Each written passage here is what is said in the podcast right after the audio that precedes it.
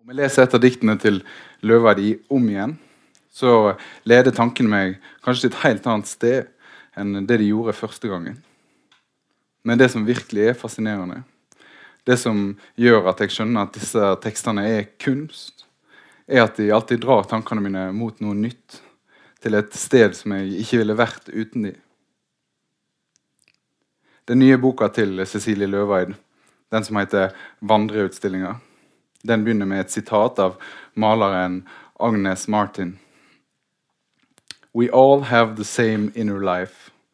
The difference between us lies in the recognition. The artist has to rec recognize what it is. I dette sitatet ligger det ikke bare et oppdrag til kunstneren, men det sier òg noe om hva kunsten skal være for oss som ser den. Kunsten skal hjelpe oss å forstå sider av oss sjøl som vi ikke hadde gjort ellers. Lenge før jeg hadde lest eh, Cecilie Løveid, hadde jeg hørt om henne. Jeg hadde hørt at hun var en av de som en bare må lese. Og Den første gangen jeg møtte tekstene hennes, var på et arrangement på Chagall, ikke lenge etter hun hadde flytta tilbake til Bergen. Da eh, konferansieren sa at hun skulle lese dikt om å flytte, så tenkte jeg at det, eh, det hørtes litt kjedelig ut. Men de ordene som Cecilie leste, var mye mer underlige enn jeg hadde forestilt meg. Flyttingen ble ikke bare en opptelling av et levd liv eller en start på et nytt liv. Flyttingen i seg sjøl ble et utgangspunkt for å tenke på alle mulige sider av verden og kunsten og livet. Og Opplesningen hennes fyrte i gang tankerekker i meg som jeg bare skulle ønske var så kloke som hennes. Nå som jeg har lest mye av Cecilie Løveid, er jeg blitt en av de som insisterer på at Cecilie Løveid hun bare må du lese. Hun skriver verdensbilder som er rare og kanskje utilgjengelige, men som er helt kompromissløse overfor seg sjøl og sitt eget prosjekt. Og i det så fins det noe som vi alle kan lære av. På tirsdag, nei, på, jo, på tirsdag vant hun Brageprisen. Og nå er hun her. Ta godt imot Cecilie Løveid.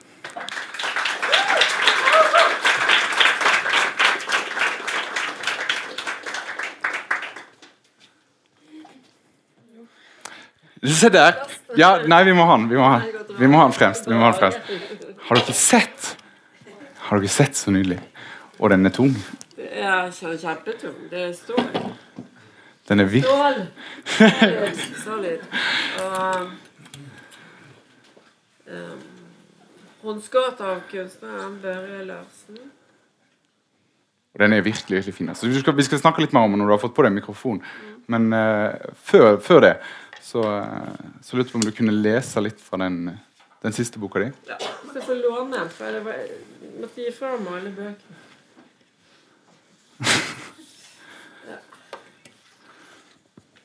denne boken er jo delt opp i tre. Den heter 'Vandreutstillinger', og det er liksom tre hovedutstillinger, kan vi si. Eh, og bildene har jo valgt selv, så det er ikke en sånn en uh, vanlig retrospektiv. Det er en Det er det som jeg har liksom hentet frem, da. Eller egentlig, så for å være helt sannferdig, så det er det som blir ferdig. Som jeg klarte å sette sammen til noe som var meningsfylt for meg, da. Og så, hvor er vi hen? Jo, jeg var der. Første delen og andre del Andre del heter 'redningsoperasjoner'. Og starter med et lite kort dikt. Så skal jeg lese fra et par til. Kitty Kielland, Torvmyr Jæren fra 1900, år 1900, olje på lerret. Torvmyr Jæren. Kan du bebreide deg selv for det øyeblikket du blir forelsket? Når det endelig begynner å surkle? Speiler deg. Og alt renner i veien for alt.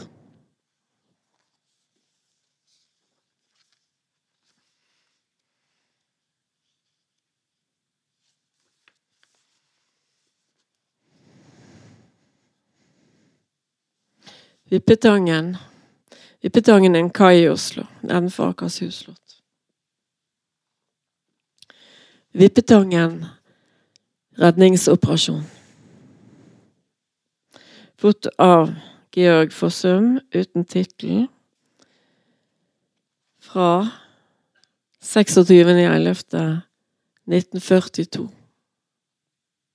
Tilegnet Gunvor Hofmo. 1. De er kanskje ikke så anonyme som vi gjerne skulle se dem, den gruppen mennesker som opplever dampskipet Donau gå fra kai den ettermiddagen, ryggvendt fra oss. De står i sine samfunnsteaterkostymer hatter og sjal, politiluer, offisersluer og kåper og tette gabardinfrakker. Noen skal jo se til at alt går riktig for seg ved utskipping av viktig kontraband. Konfiskering av mennesker er blitt krevende. Det blir ikke så diskré. Det er en kunst. Det er en kunst, og det blir en kunst. Lommene er fulle av livssymboler, slike som mennesker samler på. Stjerner og hjerter, ringer, gullpenner og mynter beslagla de òg. Nappet, gitt bort. To. Alle står som om de ikke har noe annet sted å gå enn utover vannet.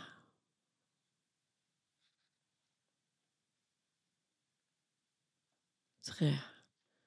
Der står kanskje familien eller en kjæreste og fryser. Jeg har alltid tenkt at kvinnen ytterst til høyre, hun i lodenkåpe med heksetuttehette, var Gunvor Hofmo, dikter. Og at fotografen ikke eksisterte. Det var liksom Gud selv som fulgte med fra festningen. Men så sa noen at Fotografen var en motstandsmann. Men så sa noen at fotografen var en politimann. Sitat En fortelling er alltid en redningsoperasjon, sa John Berger. Gunvor gjemte hendene sine dypt i lommen. Fant ingen varme, ingen livstegn, ingen redning. Gunvors hjerte var konfiskert. Hennes stjerne var fettet til av pølseluktende fingre. Gunvors kors lå knekket og knust i et mørkt og øde land. Ingen fortelling kan redde hennes Ruth tilbake. Ingen dikt heller. Fire. Dampskipet Donau. Kamuflasjemalt. Ligner et verk av brakk. Det har ingen kunsthistorikere nevnt. Dampskipet Donau trekker ikke pusten dypt, sukker ikke, dukker ikke under med fylt buk og blir tragisk. Dampskipet Donau letter heller ikke tungt i en sjøsprøyteffekt fra lysende vingeslag og blir opera. Dampskipet Donau går ut med gråt mellom kjære holmer og kjente skjær. Og akkurat nå, i dette mørket, ser vi ikke hvor vakkert Norge er.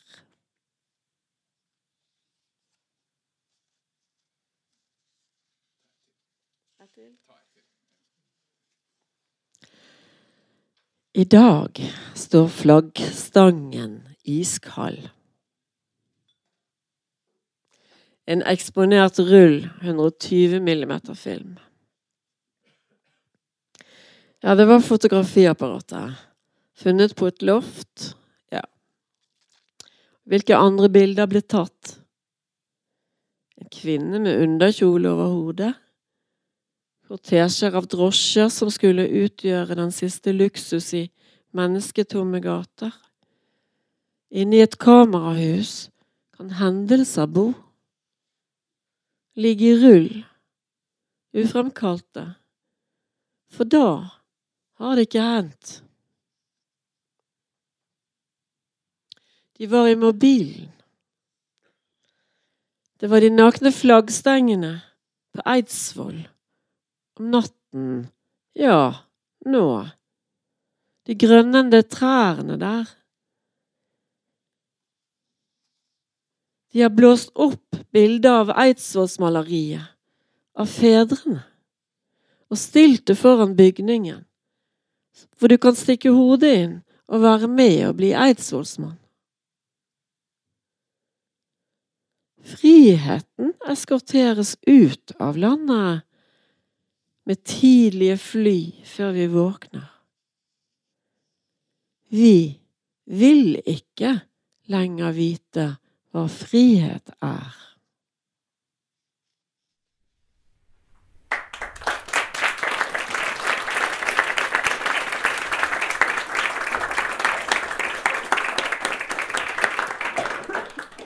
Tusen takk for det, Cecilie. Du har virkelig en fascinerende måte å lese på. Altså, det er nesten som du lever deg gjennom hele diktet en gang, en gang til når du leser det. Er det litt sånn du Ja, du opplever det jeg òg? Hvis jeg får det til, så lever jeg meg gjennom diktet, i hvert fall. Eh, det kan være at jeg ikke alltid får det like godt til, men uh, virker denne? Eh, Ja. eh, vi hører, hører vi Jeg det- det men er- de nikker i publikum. Ja. Ja. Okay. jo, eh, å lese opp for meg, det er jo å se diktet. Altså. Ja, Hva mener du med det? Se diktet. Ja, det består jo av situasjoner og bilder. I teksten? Ja. Ja. All, ø, alltid, på en måte, tenker du? At diktet Ja, al altså at jeg har uh, kreert et, en, en, en, virkelighetsversjon, da, kan du si. En fortelling, selvfølgelig. Og eh, den kan jeg gjenkalle, gjen, gjen, gjenfremkalle. Men eh, jeg tenker, er diktet det samme for deg mm, når du leser det høyt, og når du leser det på sida? Eller er det et eller annet det, det er et interessant spørsmål. Er det det? Altså, eh, mange ganger når jeg arbeider med det, så, så har jeg versjoner som jeg må velge imellom. Eh, så bilde og språk skiller vel lag på en eller annen måte et eller annet sted. For dette er de jo samme situasjonene, men eh, Ja. Det kommer an på hvor, eh, hvor komplisert diktet er. Hvis det er relativt enkelt, så så skiller det vel ikke i lag. Men hvis det er et komplisert dikt som også har veldig mye språklek eller um, referanser eller Ja. Så blir det, så blir det, så blir det litt uh, så Kommunikasjonsproblematikk også. Vil det bli forstått Altså vil den som leser kunne se i hvert fall, om ikke akkurat det samme som jeg ser, så, så altså, sier jeg nok, gir jeg nok ut, på en måte. ja, for du, du, vil, du, du vil plante bilder på en måte hos leseren? eller? Ja, jeg tenker veldig konkret at jeg vil plante bilder, ja. Mm. da. Så det er det som, når du sier denne prosessen, når du velger ut dikt, så er det på en måte det som kommer nærmest Eller gjør at deg, deg og leseren kommer nærmest det samme bildet, da? Eller? Forstår jeg det rett? da? Det er iallfall sånn jeg leser dikt. Andre sine dikt. Ja. Uh, men, men, men det er tusen måter å lese dikt på. Ja, ja, ja absolutt. Ja. Heldigvis. Ja, heldigvis. Ja. Ja. Men har, har du holdt på måtte fast på den måten å lese dikt på hele veien? Eller no, for du, jeg tenker du begynte jo Du har jo gikk godt på kunstskole, sant? og nå høres det ut som en kunstner når du snakker om veldig om det visuelle. og sånn. Men er det en må, lesemåte som du har hatt med deg hele veien? Eller? Språk er jo, er jo et uh, hjelpemiddel for å kommunisere i bilder. Mm. Altså normalspråk, dagligspråk også. Ja. Og ikke minst selvfølgelig metaforene vi bruker hele tiden, og ordspråkene vi bruker hele tiden. De er jo også veldig billed, billedlige. Men det, det er ikke sånn at du Skulle du ønske du bare kunne tegne det og vise det? Det ikke bare tegne, da. det, altså, det er akkurat det samme med tegning. Eh, Det ligger tusen beskjeder og språk i tegning.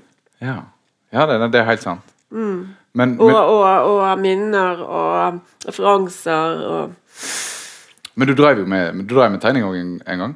Jeg drev masse med tegning. Jeg var en racer. Jeg, var, altså, mener, jeg gjorde veldig, veldig mye Veldig, veldig mye en periode. Eller noen år, da. Ja. Også, men, men, men er det noe som du har slutta med fordi du er bedre til å tegne de bildene med tekst? Jeg har, eller? jeg har nesten sluttet med det. Jeg har nesten sluttet med det. Jeg har hatt noen raptuser, da. Eh, Jeg har faktisk hatt, oppdaget at, at når jeg lager teater, så kan det lønne seg å, å prøve å tegne scenene. Ikke, for, ikke sånn scenebilder, altså hvordan det skal se ut, men eh, et indre, en, indre, en indre tegning fra, om eh, personen og konflikten og hva det måtte være. Det, og, de, og de er veldig ekspressive. Det er jo kanskje den mest, mest visuelle tekstformen en kan få ha. er vel egentlig Drama. et drama? er det ikke? Ja, ja, men du beskriver jo veldig lite, da, egentlig. Du, fordi du kryper jo inn i personene. Ja. ja, du Ja. må være avhengig av at skuespilleren leverer de bildene Ja, som så jeg kan si jeg er tørst, og så kan jeg ta opp glass og så kan jeg hive det i trynet på deg. Altså, altså det, det, det er ikke noe Det er ikke noe som føl, følgelogisk i dramatikk. Nei. Eh, altså det, alt Men det fins i alt- alt dikt, eller? Normalt, ikke sant? Men, Ja. men eh, plutselig så er det en indre stemme som sier at du skal, du skal gjøre noe helt annet. Eller det, det skjer noe, eller du hører noe, eller ja. Så det, det, det er en veldig sånn plastisk kunstform. Men det plastiske er jo noe som du er opptatt av når du skriver òg, eller? Jeg er opptatt av det plastiske i dikt også, ja. Du hopper jo veldig Eller du kan godt, Ja. ta godt av store sprang eh, og, og sette inn bilder som en ikke hadde forventa skulle stå ved siden av hverandre. Jeg tror noen, noen dikt kan være lettere enn andre å illustrere hvis du skulle liksom lage de opp Ja. som bilde. For noen er ikke i virkeligheten bilder. Hva mener du med det? De er, nei, de er prosesser. Altså en oppdagelsesferd inn i noe, Mm. for eksempel. Du, Vi er nødt til å snakke om, uh, om det som står, står på bordet her. For det, vi, nye kamerat. har, har du bestemt deg hvor du skal ha, ha den? Han må jo på peishyll, er det ikke det? nå? Altså, nå har jeg ikke noe toalett som jeg skulle, skulle, skal, synes han skal være på, liksom. Nei, for jeg vet jo det at det fineste det er å ha, ha han på do. Men, Det eh, er altså kongen eh, ved siden av portrettet av kongen. Men, eh, men det nest fineste er tradisjonelle, Agatha Christiske, det er jo han på Peisøylen. Og så, så, kan, så slipper jeg å ha revolver under, under sengen, og så skal jeg bare bruke han. uh, dette, det, det, du har jo fått, fått Brageprisen, og den er helt ny. Du fikk den for to dager siden. ja, jeg tror det var for to dager siden. Ja, var det ikke det på tirsdag? Jo, jeg tror det. Jeg husker i hvert fall jeg ble, jeg ble veldig glad på dine vegne når du fikk den, og så ble jeg litt nervøs for at du skulle komme her rett etterpå. Ja. Men altså, det ser jo ut som du har drømmetimingen, sant? Ja, det, ja, det er sant. Ja, altså, det, det- ser veldig godt ut for min del. Ja, Men jeg har ventet på den i 25 år, så ja var det, det var det jeg skulle ja. var dit vi skulle. ja. Eh, hva betyr det for en Nå har jo du vært forfatter eh, lenge, og dramatiker, hvis en skal skille de to tingene. da. Eh, du har i hvert ja, det er jo ganske forskjellige ting. Du har i hvert fall vært Mm. kunstner lenge, da. Og du har jo fått en, en del priser. Eh, Brageprisen er vel I hvert fall tenker jeg det er noe spesielt med, med Brageprisen. Hvordan opplevde du det? Og- Jeg vet ikke hvordan du har det med Brageprisen, men jeg har hatt det sånn at jeg har ikke regnet med på noen måte at jeg skulle få Brageprisen. Nei. Fordi at um, hvis du er skjønnlitterær forfatter, ikke fagforfatter, da, fagbokforfatter, så, eller barnebokforfatter, for, for den saks skyld, så, så går ikke rundt og regner med at du skal få den. Det så er det hundrevis av konkurrenter.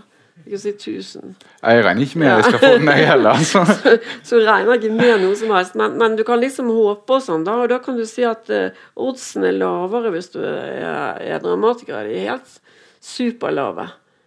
Jeg vet ikke om noen som har fått Hvordan du vet. Nei, det jo, det er sikkert noen som kombinerer Tore Ja. Bringsværd og Jon Fosse og sånn. Men, men, eh, men rene dramatikere har ikke, har ikke fått mange Dragepriser, tror jeg. Og Drageprisen er en, er en institusjon i seg som sikkert, ganske sikkert har vært innstiftet for å selge flere romaner. Og andre viktige bøker. men Og ikke, ville ikke vært innstiftet pga. dramatikk eller lyrikk, liksom. men, men hvis, hvis vi holder oss til lyrikken som skal være i fokus, først og fremst i dag Som lyriker, da. Hva betyr det for deg å få, få Brageprisen? Brageprisen må jo egentlig være en lyrikerpris. For Brage var jo lyriker. Mm, det er sant. Ja. Mm. Men sånn er det jo ikke, da. Nei, for det går jo som regel til romaner. Ja. Men det, det hørtes jo nesten ut som du var litt bitter på selve prisen. eh, Nei, men det er alltid, alltid, alltid noen sånne sider ved sånne ting. Sånne spennings, spenningsmomenter. For du, du kan jo risikere å dø før du får den. Sant? Det er jo Mm. litt er det, det, det er ikke, kanskje ikke det som er mest spennende med den, eller? Nei, du får jo ikke alt her i verden. Så eh, egentlig så regner jeg ikke med, med har det helt ærlig, jeg spøkte litt da jeg ventet på den i 20, 25 år. Det var spøk. Sannheten er at jeg ikke har regnet med det. Nei. Ja. Men, men eh, Men jeg har vært innstilt to ganger. Ja, det vet Ja, jeg. det Ja. jeg. Ja. Men, men det er vel en ære? Eller er det bare et ork å få den type priser? Er det viktigere å nå Altså, er det viktig for et forfatterskap å, å bli er anerkjent? Ja. Altså, det er kjempeviktig for kunstnere å merittere seg. Å ha en sånn pen liten troférekke. Hvor- Hvorfor, det- nei, hvorfor er det jo, viktig? jo, fordi, fordi hele verden regner ditt verd i om du har fått en, en, en Om du har merittert til å, å være bedre enn i en eller annen sammenheng. Det er et sånt konkurranseaspekt. Det er idrett. idrett. Det var, det var to som klappa for at uh... Det var veldig Nei, nei Men- men er det jo, det, er på, det, er på en måte idrett. Men er det et aspekt med, med litteraturen som du, Nei, det er et som, du aspekt se- med- nei, det et som du setter pris på? Eller Aspekt med menneskene. At, de, at de, de må ha utvelgelseskriterier, og ett av utvelgelseskriteriene er priser. Altså, Undset, Ville hun vært husket i dag så veldig hvis hun ikke hadde fått Nobelprisen? Det er ikke sikkert. Altså, jeg sånt, vet man nesten Sånt vet man jo ikke, men, men hvis uh, ja. ja, altså hvis Hvis hun ikke hadde fått. Mm. Altså, altså Det står jo som en pålagt hun har fått den, så derfor så kan vi jo liksom ikke forestille oss noe annet. Men det har helt sikkert vært en diskusjon. Eh, Karen Blixen fikk den aldri. Da fikk Hemingway den. Mm. Og hun er en ordgyter av Guds nåde, som er en anakronisme i Danmark mens hun lever. Altså, hun skriver som om hun var født 100 år før hun var født. Med, med stoff som om hun var 100 år før hun var født. Og Hemingway skriver sånn uh, trelinjersromaner, liksom. Altså, altså sånn uh, Ja, fullstendig barbert, ikke sant, og sterkt. Så de skal, to skal stå opp mot hverandre, ikke sant. Altså, jeg vet ikke, jeg tror altså, Det har ikke jeg undersøkt, men jeg tror det er mulig å se diskusjonene i akademien. Altså hvem de har nominert. For det er jo ikke offisielt hvem de har nominert, men de, de diskuterer jo. Nå føler, Ja. jeg, nå føler jeg at jeg er inne i en Cecilie Løvaas Ja, ja, der vi bare skyter i alle eh, retninger. Jeg vet ikke helt Jo, jo, hvor vi skal. Nei, men, Men- nei, for plutselig handler det ikke om litteratur, men det er jo akkurat det det gjør. For hvordan skal, hvordan skal, hvordan skal vi møte våre lesere? Altså, hva Mm. skal til for at du skal lese? Hva skal til for at du skal lese utenlandske forfattere, f.eks.? For Nei, altså, det altså, er en sånn liten rekke med kriterier du kan bruke. ikke sant? Og, og en av de er f.eks. at de at de, at de tilhører en eller annen skole. Sant? mm, Eller at en, en forfatter du setter veldig pris på, anbefaler. Men, men eh, hvis, hvis noen har fått Nobelprisen, så vet du at de har fått Nobelprisen. Og da vet du at med stor sannsynlighet er det noe bra der. mm. Så det, så det er en beskjed, da kan du si sånn. Så, så eh, OK, nå skal jeg prøve å forstå deg her. Men eh, det, det du, Ja, det er mange forfattere som ikke får priser, mener du? Nei, nei jeg, jeg prøver bare å finne ut om du, om du setter pris på dette konkurranseaspektet eller ikke. Om du, om du tenker at eh, til syvende og sist så er det bra fordi at du når flere lesere hvis den får en sånn pris? Det er kjempevanskelig å svare sånn Ja, det er enkelt å svare ja, Ja. Men, men det er vanskelig å svare videre. Her syns jeg har sagt en del. Ja, du, absolutt, blir, Man blir, man blir eh, jo, jo lengre du er forfatter, jo mer bevisst blir du jo. Mm. Ikke bare, bare sjela mi og sånn, men, eh, men at du, du, du begynner å kjenne det landskapet du beveger deg i. Og hvordan folk tenker, hvordan man tenker om det. Og da, og da legger du jo merke til hvem som får, og hvem som ikke får, og du er nominert, men du får ikke, og øh, sånn. Men jeg vet ikke, det, det er nokså selvsagt, er det ikke det? At det ikke er gøy å ikke få den hvis du er nominert, f.eks. ja, nei, nei, ja, absolutt. absolutt. Ja. Men det, men det er jo noen forfattere som er sånn pff, vil ikke bry seg om priser. Men det er jo gjerne de som har Nei, fått, fått jeg. veldig Jeg mange. tror ikke på det, altså. Ja. Nei. Nei. Nei. Nei, men det er litt vanskelig å tro på, det er det. Ja. Altså, det er litt pinlig. Eh, Jean-Paul Sartre fikk jo Nobelprisen. Ville Han er jo den tøffeste. Vil ikke ha Men han er jo en av de Ja, ja, en av verdens uh, absolutt største navn eh, overhodet. Og han ville ikke ha den. Mm, Sånn ti år Eller jeg vet ikke om du kjenner den, den der historien, men uh, altså god del år etterpå så skriver han til Nobelpriskomiteen og sier at han kan gjerne ta imot den likevel. Og da har han bruk for pengene. Ja, sant. Ja, det er jo noe, det òg. ja, Ja. Så, så forfattere er mennesker. De, Det, for, det, de, det, de, de syns helt sikkert at det er gjevt å få bli satt pris på. ja, det gjør jo vi alle. Det gjør vi alle. Og så er det jo gøy for miljøet også. Det betyr veldig mye for forlaget. Og for uh, den typen litteratur du, du skriver, osv. Ja. Ja. Ja, det, det er kanskje det viktigste egentlig når du kommer litt utenfor den der egoistiske nærsyntheten som man jo har. Så, så er det jo det det handler om, da. Ja, det er rett og slett de underliggende sånn maktstrukturene i Ja, du får fokus. Du, andre som aldri hadde tenkt på det, interesserer seg og ja. Mm. Men den, den boka som du har skrevet, den heter 'Vandreutstillinga'. Og den tar, i hvert fall i utgangspunktet eh, ut, I utgangspunktet utgangspunkt i, eh, i en rekke ulike kunstverk. Eh, og det er jo noe som du har gjort eh, i tidligere bøker òg. Ja, det er masse av det, masse av det i bøkene mine. Ja. Eh, men hva var det som gjorde at du tenkte at nå skulle det være hovedprosjektet? Jeg oppdaget at jeg hadde grådig mange av de, og, og mange flere enn, som, enn det som er kommet med i boken. Altså du hadde utgitt det mange sånne Ja, altså For et par, par, noen år siden så telte jeg opp, for jeg oppdaget det jo annet fordi at noen hadde skrevet en artikkel om det. Altså ekfraser, da. mm. Og, og, og hvor jeg var nevnt og sånn. Og da tenkte jeg ja, hvor mange ekfraser Jeg har ikke tenkt på ord engang. Sånn. Mange ekfraser har jeg egentlig skrevet? Så begynte jeg å telle, sant? og jeg kom til over 50 da. Før jeg hadde skrevet noe av dette. Så tenkte jeg mm, kanskje vi kan lage en sånn kunstbok eller noe sånt. Så tenkte jeg mm, ja, det blir kjedelig. Det blir sånn fødselsdagskalender, det. Veldig fort. sant? Ja. Så måtte jeg liksom da, mm, lage et konsept.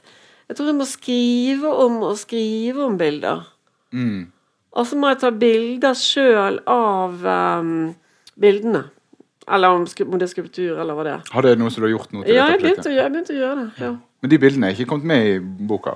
Nei, det er et helt sånn uh, prosjekt. Det er en del av uh, skriveprosessen, rett og slett? Nei, eller? men jeg har tenkt at uh, en vakker dag får jeg kanskje lov å gjøre det. det Hvis du sier det til en forlegger, så sier de Altså Det blir dyrt. Ja.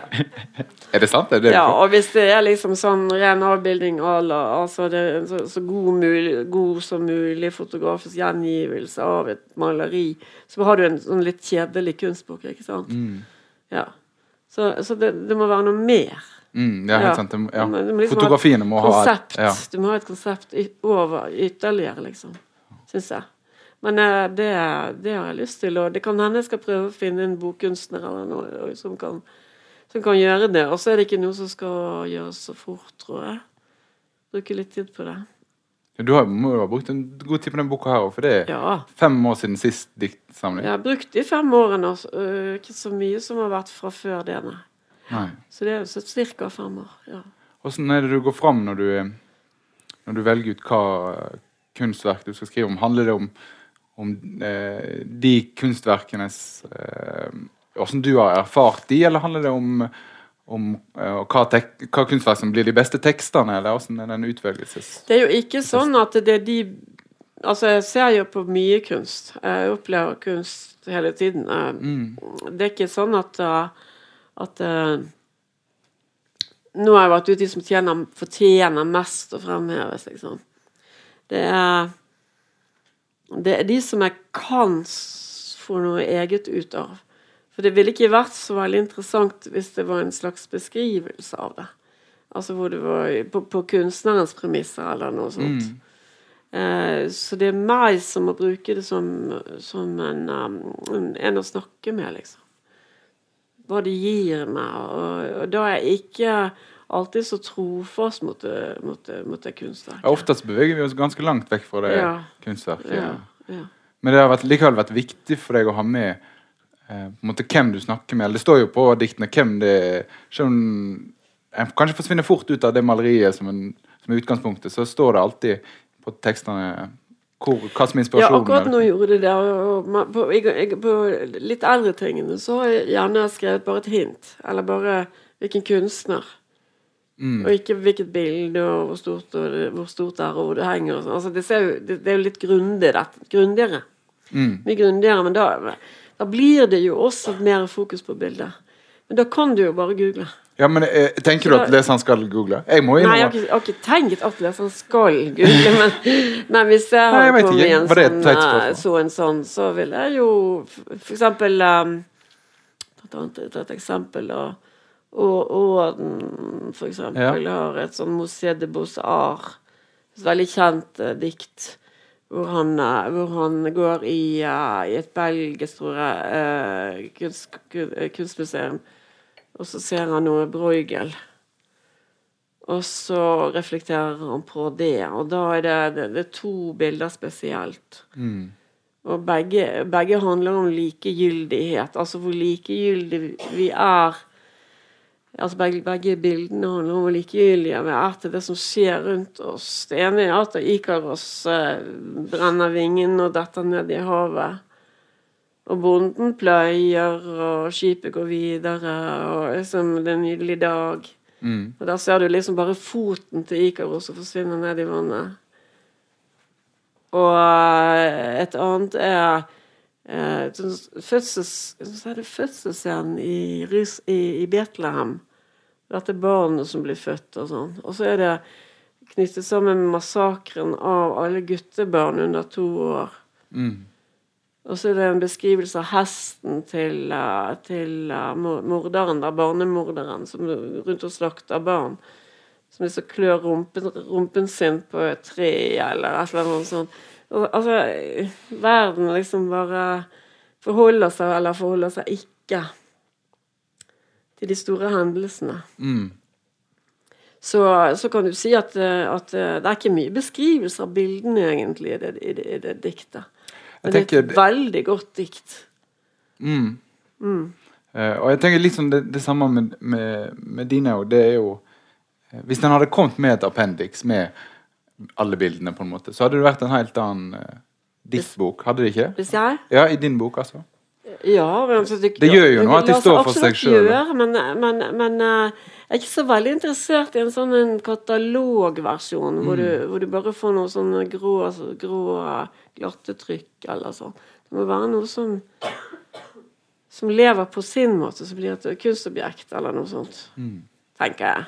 Og da er vi jo inne i store ambisjoner, så det må vi jo se om vi får til. Men du må ha det når du har fått Brageprisen. og Ja, noe. Du skriver jo om, eh, eh, om verk som på en måte ikke er kunstverk, eller kunstverk på den vanlige måten. Tenker kanskje spesielt på det Donau-diktet som du leste i sted. Ja. Eh, det er jo et fotografi av denne båten Donau som frakta de norske jødene. Det er jo et pressebilde, eller altså ble et pressebilde. Da. Det er jo egentlig et krigs, si, krigsreportasjebilde. Mm. Sannsynligvis tatt helt hemmelig. Men, men det òg Boka eh, En går inn i boka hvis en leser les, les, ikonografisk bilde. Altså, Ja. Det kanskje ikke men, har vært meningen at det var et kunstbilde, men det har blitt det, på en måte. ja. Kan du utdype det? Kan du, kan du tenke om når noe blir ikonografisk, så, så får det en ny, ny valør, rett Mm. og slett.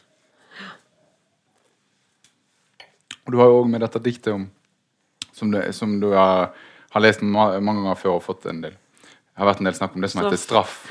Om, eh, om, om 22. juli. Eller om Anders Behring Breivik. Mm. Eh, er det også det, I og med at jeg havner med i den boka, er det òg et spesielt bilde du har Ja, det ble skrevet utenom alle bøker, for det ble skrevet, i, skrevet spontant da jeg fikk ideen til det, og det var i 2012-13. Mm. Og etter dommen, selvfølgelig. Og hvor jeg skriver kontrafaktisk dom, som jeg er så glad for at han fikk. Mm. Ja.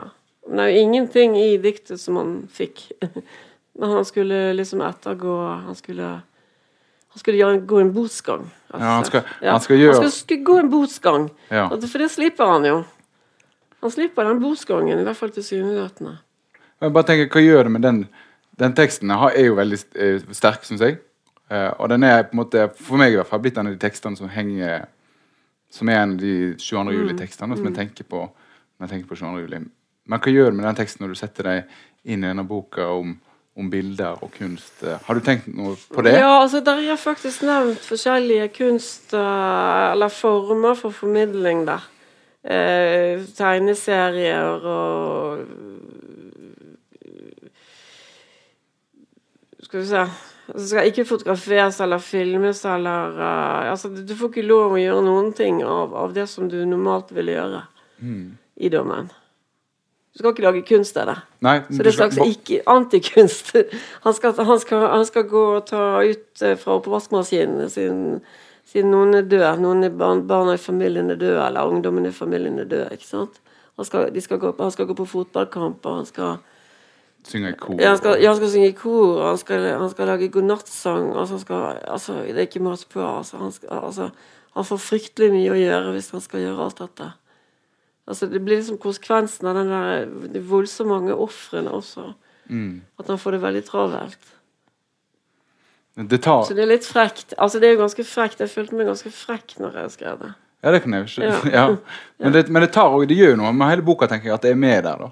At eh, det, det bringer et helt nytt alvorselement inn i boka, inn i Ja. resten av eh, bildene. Og de kunstverkene som ut- er utgangspunktet, er jo ofte alvorlige eh, kunstverk. Men når en har den, den, det diktet der inni der, så får hele boka et, enda et sånn nytt alvorslag for meg. da. Ja, kanskje Jeg- det diktet er et kunstverk. Ja, er det ikke det? Jo, men det er ikke alltid det, det, er ikke alltid det føles på den måten. Men jeg følger det jo opp også med et uh, dikt om uh, minnesmerke, som liksom konfronterer den minnesmerkedebatten. Som det, hvor uh, minnesmerket til uh, Dahlberg ble, ble avvist til slutt. For ingen ville ha det der. Av en eller annen grunn så ville de ikke at, at det skulle utføres. Det. Og dette er jo det, det verket, for de som ikke har sett det, som, der de tar vekk en bit av øya, rett og slett. et, nei, ikke av øya. Nei, det trodde vi jo først. Eller det, kanskje det var den opprinnelige ideen, men, men det var et nes som ligger Mm. nokså så nær. Da. Ja, og så kutte vekk en bi- en bit. en Ja, liten, ja. Og det var et for stort inngrep for en eh, de var vel redd for å, at det skulle komme for mange folk og se Altså at det skulle trekke for mange folk, rett og slett. Og så at deres, hva skal vi si Eiendommer skulle forringes i verdi. mm. Det kan være mange forskjellige grunner. Jeg skal ikke si det bare det, men de orket liksom ikke å se på det. Og så tenker jeg liksom at ja, men de ser jo på Utøya hele tiden. De, som, de, Ja, de som bor der på den ja. måten, sånn på lett avstand, de ser jo det hele tiden. Ja, det er helt sant. Denne, så mm. Men opprinnelig så hadde jeg tenkt også at um, Ja, det er jo kunstverk. Mm. Ja. Det er det, absolutt. Ja. Ja. Selv om det ikke blei. Det var eller, altså, Nei, men det har, fått, et det har faktisk fått pris for beste monument i Europa i en eller annen periode. Selv om det aldri er oppført. Ja. Hmm. Ja, ja. Men jeg syns, jeg syns det viser fint hvor, hvor den boka altså Hvis, hvis en leser en presseomtale om den boka, så virker det som at det er masse kunstverk, og så står det beskrevet hva de, Jo. hva de betyr for deg. eller noe sånt, Men det, er et mye større sånn ut, spenn. ja. Det er mye større ja. spenn. Det er mye mer litteratur enn det er om kunstverk. Ja, det er det.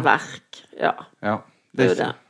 Det er strengt tatt en diktbok, sant? Altså pros, med mye prosa og lyrikk. Ja. Ja. Og, det, og jeg, jeg tenker jeg er glad for at det ikke er de forstyrrende elementene med bilder. og sånn. Du er glad for det? Ja, jeg, jeg synes det, i hvert fall når vi begynner å snakke om det nå. Ja, for jeg det da. hvert fall hvis det skal være noe, så må det være på en veldig, veldig nydelig måte. altså. For det, for det er jo noe Jeg tenker på en med det sitatet som du har valgt i begynnelsen av boka, om, eh, om at kunstnerens jobb er å gjenkjenne noe i oss sjøl som vi har i oss sjøl alle, men som vi ikke klarer å gjenkjenne, vi som ikke er kunstnere. Mm. Ja. At det er det det kunstneriske arbeidet går ut på. Ja. Og da kan du jo bruke kunst, altså billedkunst, men du kan Du må ikke bruke noe som helst, egentlig. Sant? Så det, dette er bare en variasjon. Jeg, jeg, jeg syns Ja. du tilføyer noe til mye av de verkene. Og ikke minst er boka i seg sjøl et Men det, det er ikke noe jeg har oppdaget nå. Jeg har jo alltid holdt på med det. Ja. Jeg, jeg har veldig lang kvartstid på akkurat det. Men det er heller ikke nytt i verdenshistorien. Det, det, Nei, nei da. Nei da. Men eh, Ja, hvis vi skal gå litt vekk fra den boka, da, og så skal vi snakke litt om den første Altså hvor begynt, Når du først begynte å skrive, hadde du drevet med kunst før da, eller var det Ja, jeg Hvor- gjorde mye mer bilder før jeg begynte å skrive. Altså, altså jeg gjorde begge deler, da. Men jeg, jeg laget bilder fer, altså laget de så ferdige jeg kunne og sånn. Altså, Mm. ja. Men du var ganske ung når du begynte å, å skrive dikt som ble Ja, I den publisert? alderen man begynner. Sånn øh, 13-14, litt ubehjelpelig, og så, så nokså raskt inn på en liksom Noe som ser farbart ut. Husker du hva den eh, impulsen var som gjorde at du, du begynte å interessere deg for, for å skrive? Impulsen kom vel før den evnen, egentlig. Det var vel ikke noe særlig, det første, de første tingene. Jo, jeg husker, eh, jeg husker at eh, jeg var veldig opptatt av eh, barnevers, faktisk. Jeg var opptatt av eh, blant annet eh, Gåsemorboken som eh, Alf Prøysen som jeg har oversatt. Den heter egentlig 'Mother Goose'. Eh, Og er, er rett og slett samling av rytm, rim og rytmevers. Eh, som, altså innholdet i Madagus kan for, forandres. Det er liksom bare en samling barn barnevers. Mm. Og så har han gjendiktet de så fantastisk. Og så lærte jeg veldig mye av det utenat. Og så begynte jeg å etterligne de. Var... Altså jeg begynte å skrive mine egne, liksom. du bare bytta ut ordene, eller Det er jo ofte sånn en begynner å skrive, er det ikke det? Som en slags etterligning? Som en slags sånn.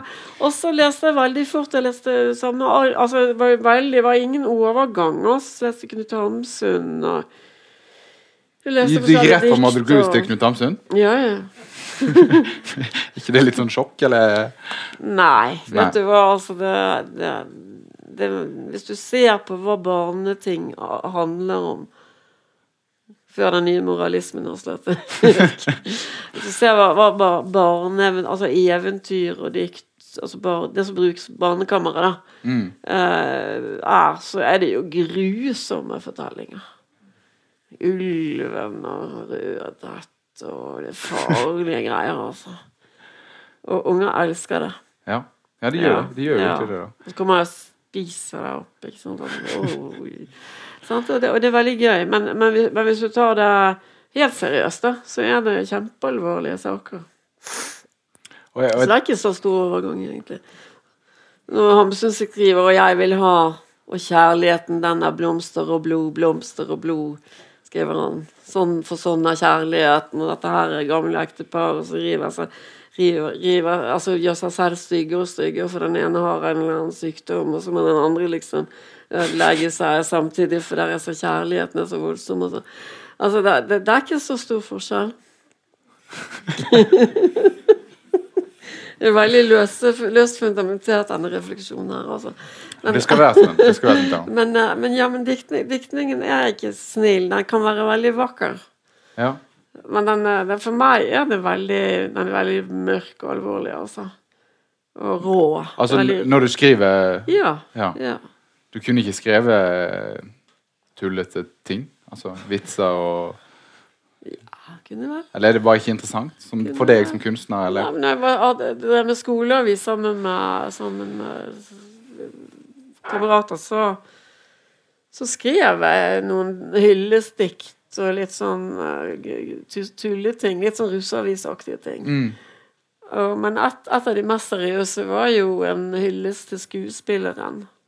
Jeg forestilte meg at skuespilleren kom fra teater, og så ut i teaterparken, der var det høst, og så, og så drysset bladene som konfetti nedover hans skuldre.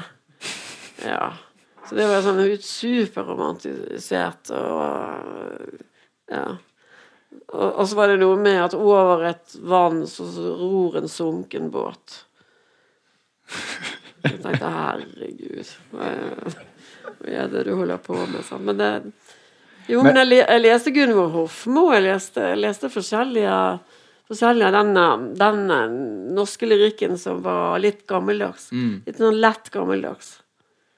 Altså fordi at du, Man har gjerne en sånn blomstringstid for en eller annen stil eller sånn.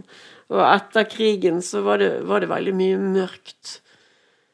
Og dy- dystert og inn, inn, inn, indre liv, liksom. Mm.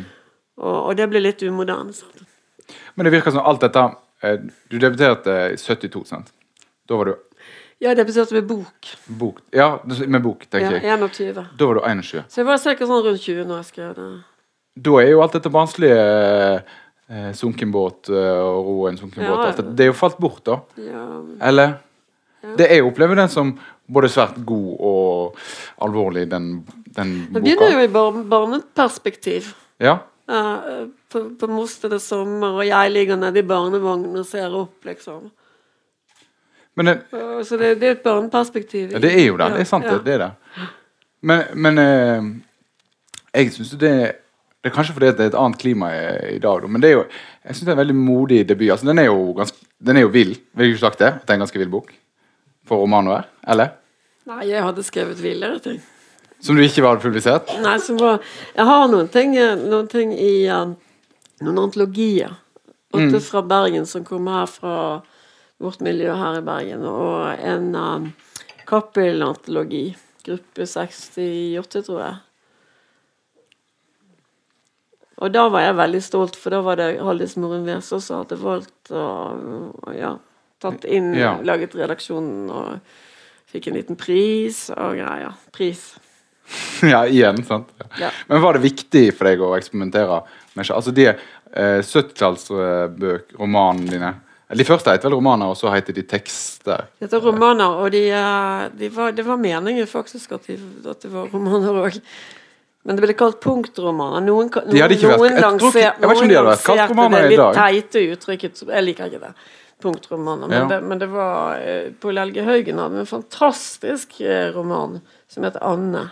Ja. Den har du helt garantert kjennskap til. Mm. Den var, den, men den var nynorsk, og det var landsens miljø, og det var gamle det var Litt sånn arkivgreier fra tuberkulosedød. Som er veldig alvorlige. Mm. Og eh, Pål Helge Haugen, han var legeutdannet. Så han hadde, han hadde litt sånn Han var interessert i mer sånn Altså sykdomssiden og medisinsiden og Altså, sånn at, sånn at boken ble veldig rik på bilder, og, og, og var, tilfanget til boken var det noe som du higa, higa etter òg når du skrev Ja, jeg likte det veldig godt. Og det, det virker som en enormt sånn eh, eh, vilje til å eksperimentere, og at den er Tenk Når den bryter såpass mye med sjanger, eh, som eh, en del av de bøkene gjør, så, så gjør den det veldig fordi den har lyst til å bryte med sjanger? Eller var det viktig for deg når du skrev de bøkene? Nei, For meg er det jo ikke så veldig mange sjangre, da. Du skriver jo i den nye boka di at det fins bare én sjanger, ja. og det er Poesi. poesien. Ja. Ja. Men opplevde du sånn den gangen òg? Nei, men altså, jeg hadde jo fått nesten givende så i og med at jeg kom, kom, i kontakt med profilgjengen. Ja. Ja. Og de var jo veldig strenge mot den tidligere diktningen, da. At de, de var jo sånne unge, unge mest menn som, som skulle gjøre seg de skulle på en måte gjøre seg viktige. Sant? De var viktige, og de skulle vise at de var viktige. Så da var det jo sånne fadermord og brodermord og søstermord alle veier. En stund, i hvert fall. Mm. Ja. Så, så modernister som Sten f.eks., var, var altfor metaforbrukende, for eksempel. Ja. Men var det noe som du hang deg på den type tanken som de Det var veldig besnærende, og det føltes riktig også. Ja. Mm. Så det var med på å utløse disse bøkene? Ja. Eh, jeg tenker jo vi kan, Jeg vet ikke om de hadde kommet ut som romaner i dag. Eller jeg opplever i hvert fall at i dag så er det kanskje lyrikken som er den eksperimenterende sjangeren. Jeg har ikke så veldig god greie på hva som er hva, sånn, hva, hva som er nå. hva- For det er så lenge siden jeg har startet. Mm. Så det er vanskelig for meg å sette meg inn i, inn i, inn i det, på en måte. Men- jeg ser hva folk gjør. At det er langdikt, og jeg ser jo forbildene, og jeg ser, jeg ser mye. Men, eh, men eh, det er jo ikke sånn at jeg, at jeg tenker at nå oppfinner de en ny sjanger eller noe sånt. Altså Jeg opplever heller at nå er det litt retro. Hva mener du med det? Riktig Nei, det var, retro. den var litt ristig. um, jo, altså det er mye ready. Det er mye sånn sammenklippet, og, og det er mye man, er, man er veldig opp, opp, opp, oppmerksom på det, den visuelle siden av diktene osv. Og det er ting som I og med at du brukte ordet retro, da, som dere var opptatt Ja, det er, av? Ja, Eller? det er mye retro i kunsten nå. Ja. Ja. Eh, har du en teori om hvor det kom fra? Eller? Nei, jeg tror at um, vi trenger næring, og, og hvis ting eh, har blitt litt sklidd litt ut Altså, Mm. vi trenger en ny inspirasjon, og hvis vi er gamle, da, altså det halvgamle eller gamle, så, så kan vi finne i nær fortid. Uh, ja. Jeg, Tror tenk, jeg tenker at de romanene dine Det er jo mer tekst i de enn i diktene dine. Mm. Men bortsett fra det, så er de ikke så veldig forskjellige. At de, de, jeg syns prosjektet ligner litt. da. Den der, eh, ja, men jeg tror ikke altså, altså Det er helt greit, det kan godt sikkert kalles eksperimentering, men det er ikke det jeg egentlig føler at jeg gjør. Nei, hva føler du at du gjør? Fortelle. Det er fint. Fint sagt. Ja. Etter, men etter, nå er, det, nå er det to pocketer med meg her. Den ene er en romansamling som var fram til 79.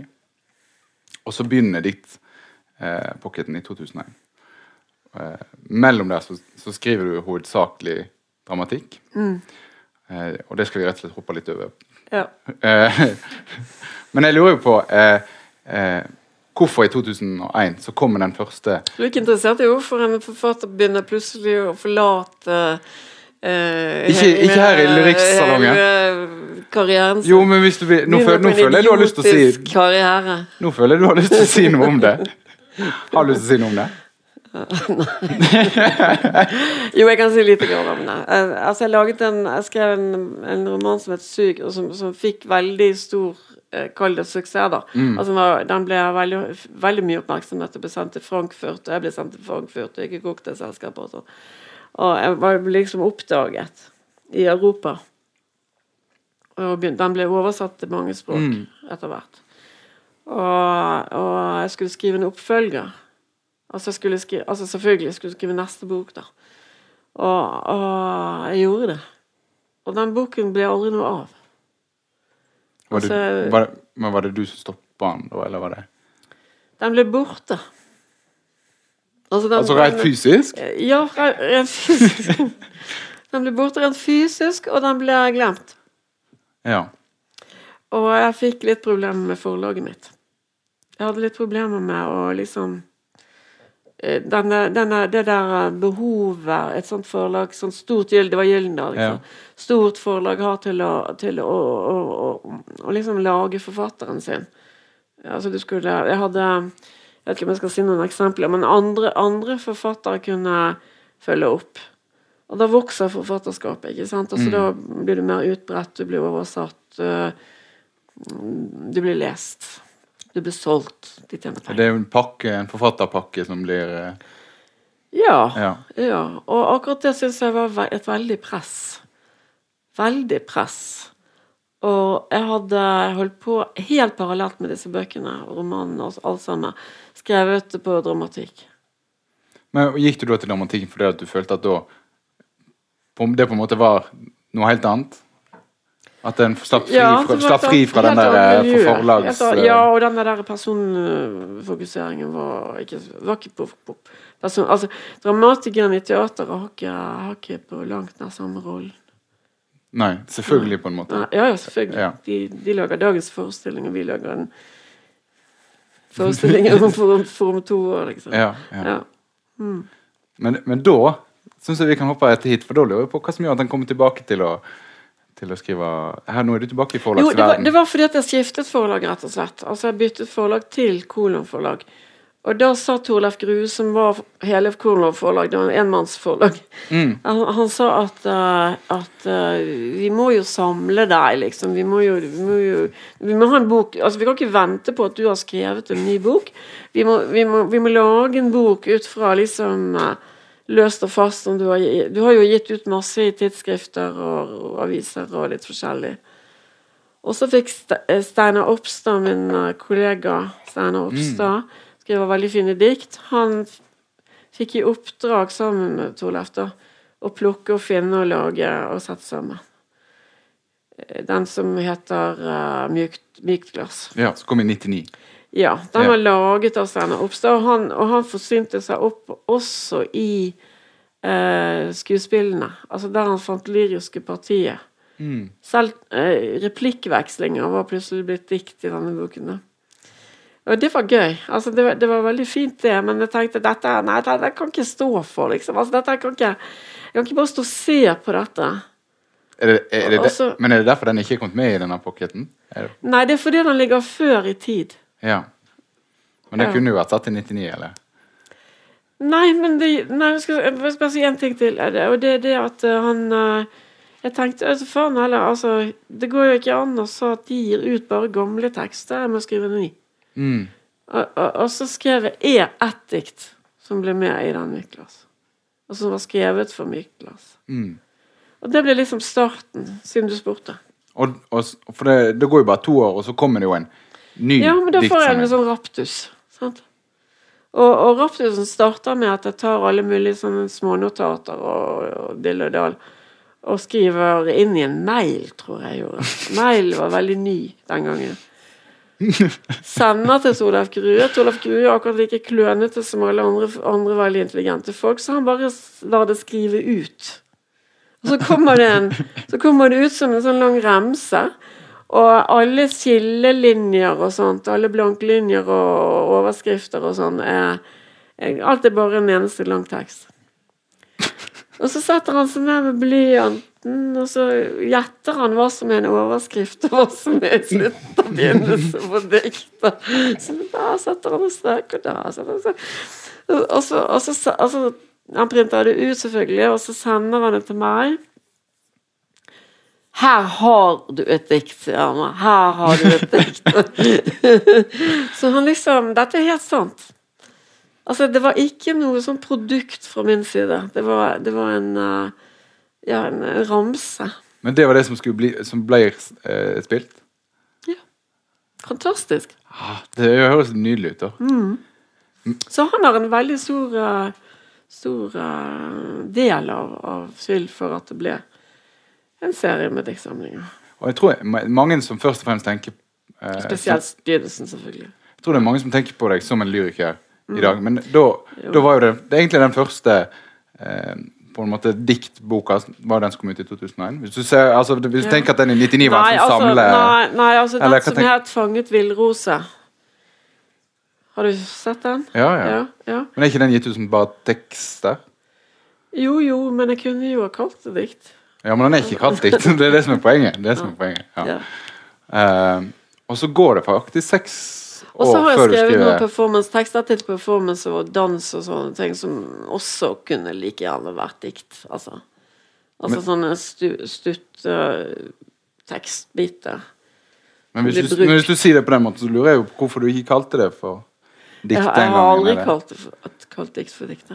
Det er noe som er pådødt av meg. Nei, nei, nei, men husk på at jeg, at jeg ble liksom født inn i den profilgreia, og da var det da var, da var det ikke offisielt noe som het dikt mer. For da var vi i en ny, en ny epoke, og den, da het tekst. Det het tekst. Men det, men det har du slutta med, da? Jeg, jeg har skrevet noen tekster. Eller en tekstsamling. Men, men skulle du ønske det var det som sto på den nye jeg boka di syns òg, ikke det lenger holder helt. Altså, så jeg go go godkjenner at det kalles dikt og poesi nå. Ja, ok. Jeg gjør det. Jeg gjør det, men det ja. Men jeg sier gjerne til meg selv når jeg har skrevet en ny tekst.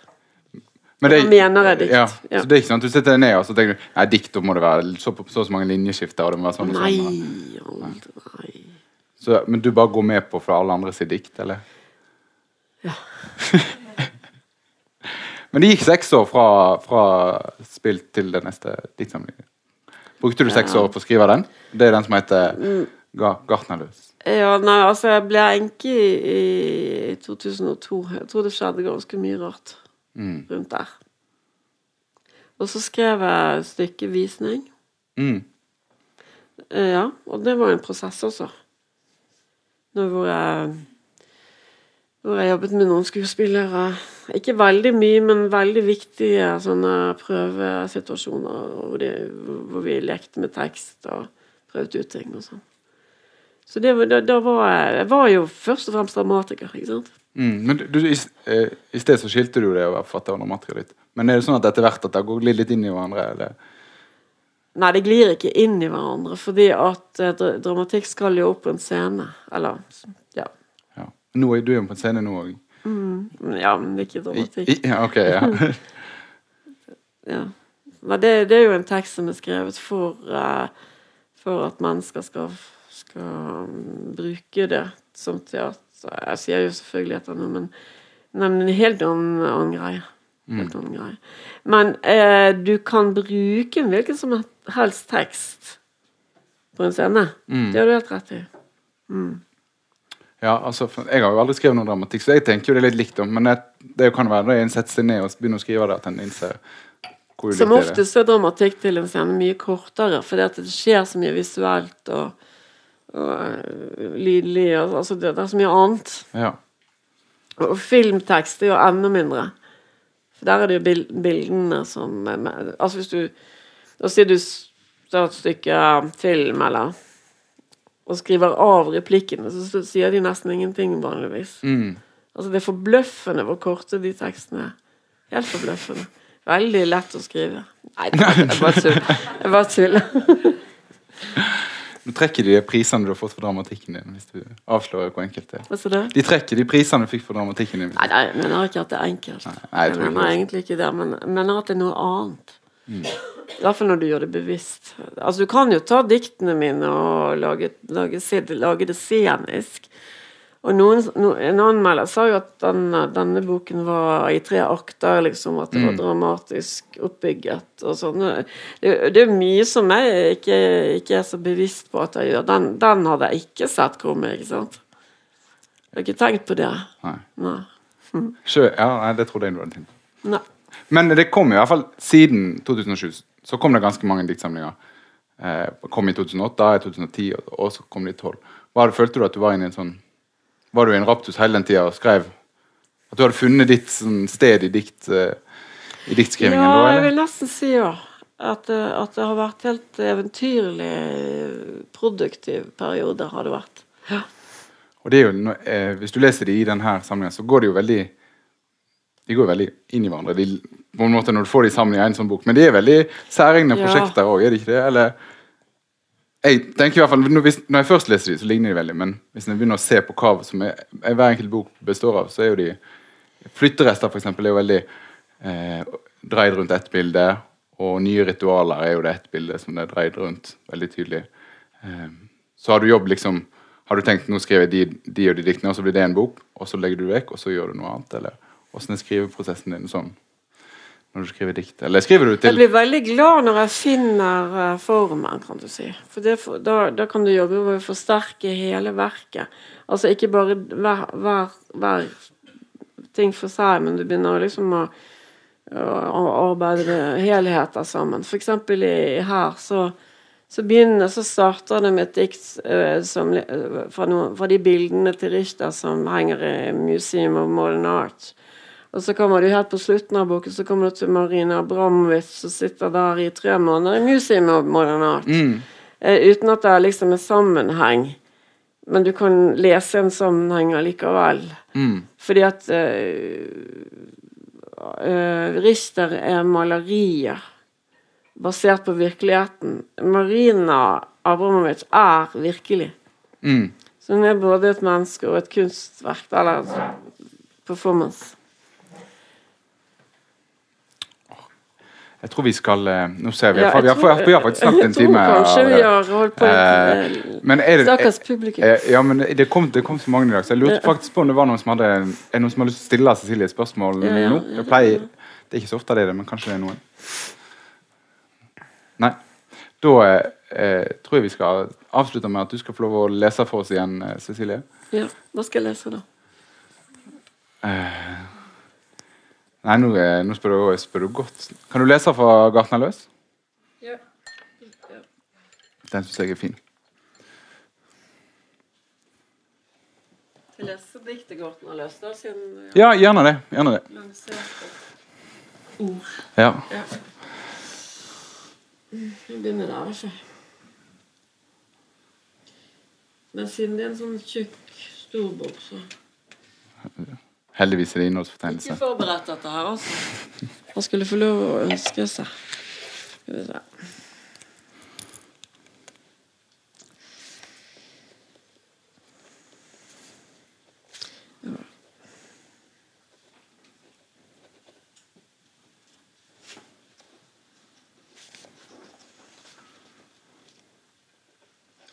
Jeg har litt sånn sy- syns Det er vanskelig å se. Det er alltid noe altså Husk det hvis forfatter virker veldig fomlete, så det er for det er aldri noen som gir dem leselys. mm. Hva? Ja, nei, men det er ikke så farlig. Jeg greier det fordi at jeg kan det jo nesten utenat.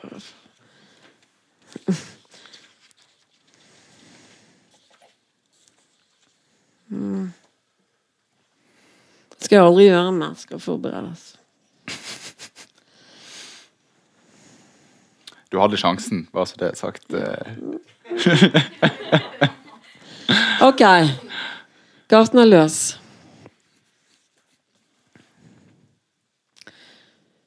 Hun var ikke en vanlig baby, hun var buttet. Gummibuksene syntes under den korte kjolen. Under overallen syntes det ikke, men det lekket og svidde. Hun var en baby, men det gjorde ikke noe. Hun kunne både se og høre.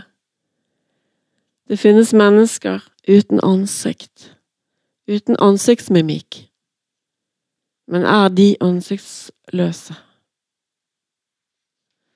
For den tomme gartnerløse hageskorpen skulle hun vokse.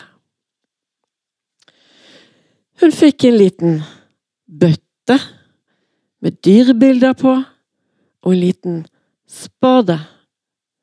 Jorden var steinhard, og det var mye å ta fatt på. Husmuren var hvitkalket, og det lyste fra vinduene et sterkt, gult lys. Det var gress her og der. Naturen vil jo også gjerne ha noe på kroppen. I den gartnerløse haven var det små stener som kunne være brød hvis det var sult, og vann hvis det var tørst, og en stenmur til å steke brød i.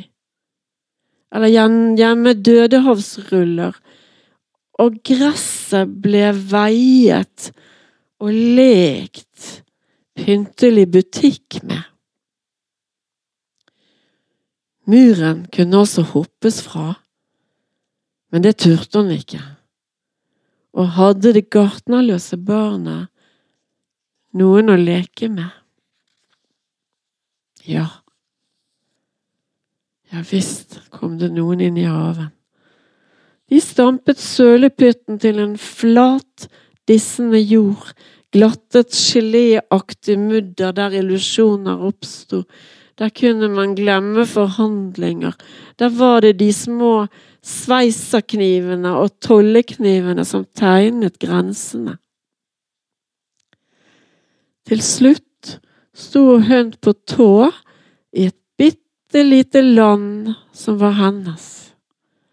Hun sto der og var dronning, til hun ble kappet og skubbet ut over verdens kant.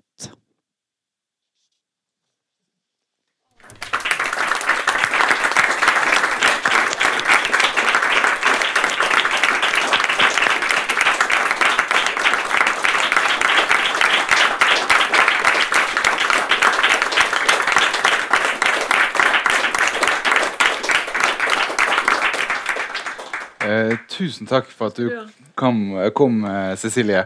Eh, og, og gratulerer igjen med Brageprisen. Eh, så vil jeg bare si Lyrikksalongen vi er tilbake i januar. Følg med på Boksalongen sine Facebook-sider hvis du er interessert i programmet. Vi er sponsa av Fritt Ord, Forfattersentrum og Litteraturhuset eh, i, Bergen, i, Be i Bergen. Og Kolon! Kolon har vært med og sponsa denne gangen. Men det kom et ekstra arrangement 6.12. Da skal vi i, bruke to timer på å oppsummere poesiåret 2017. Det blir meg og Christian Heggene som sitter bak der, og Katarina Bedari og Merete Granlund. Så eh, kom gjerne på det. Eh, det er altså 6. desember. Eh, jeg heter Fredrik Hagen. Takk for oss.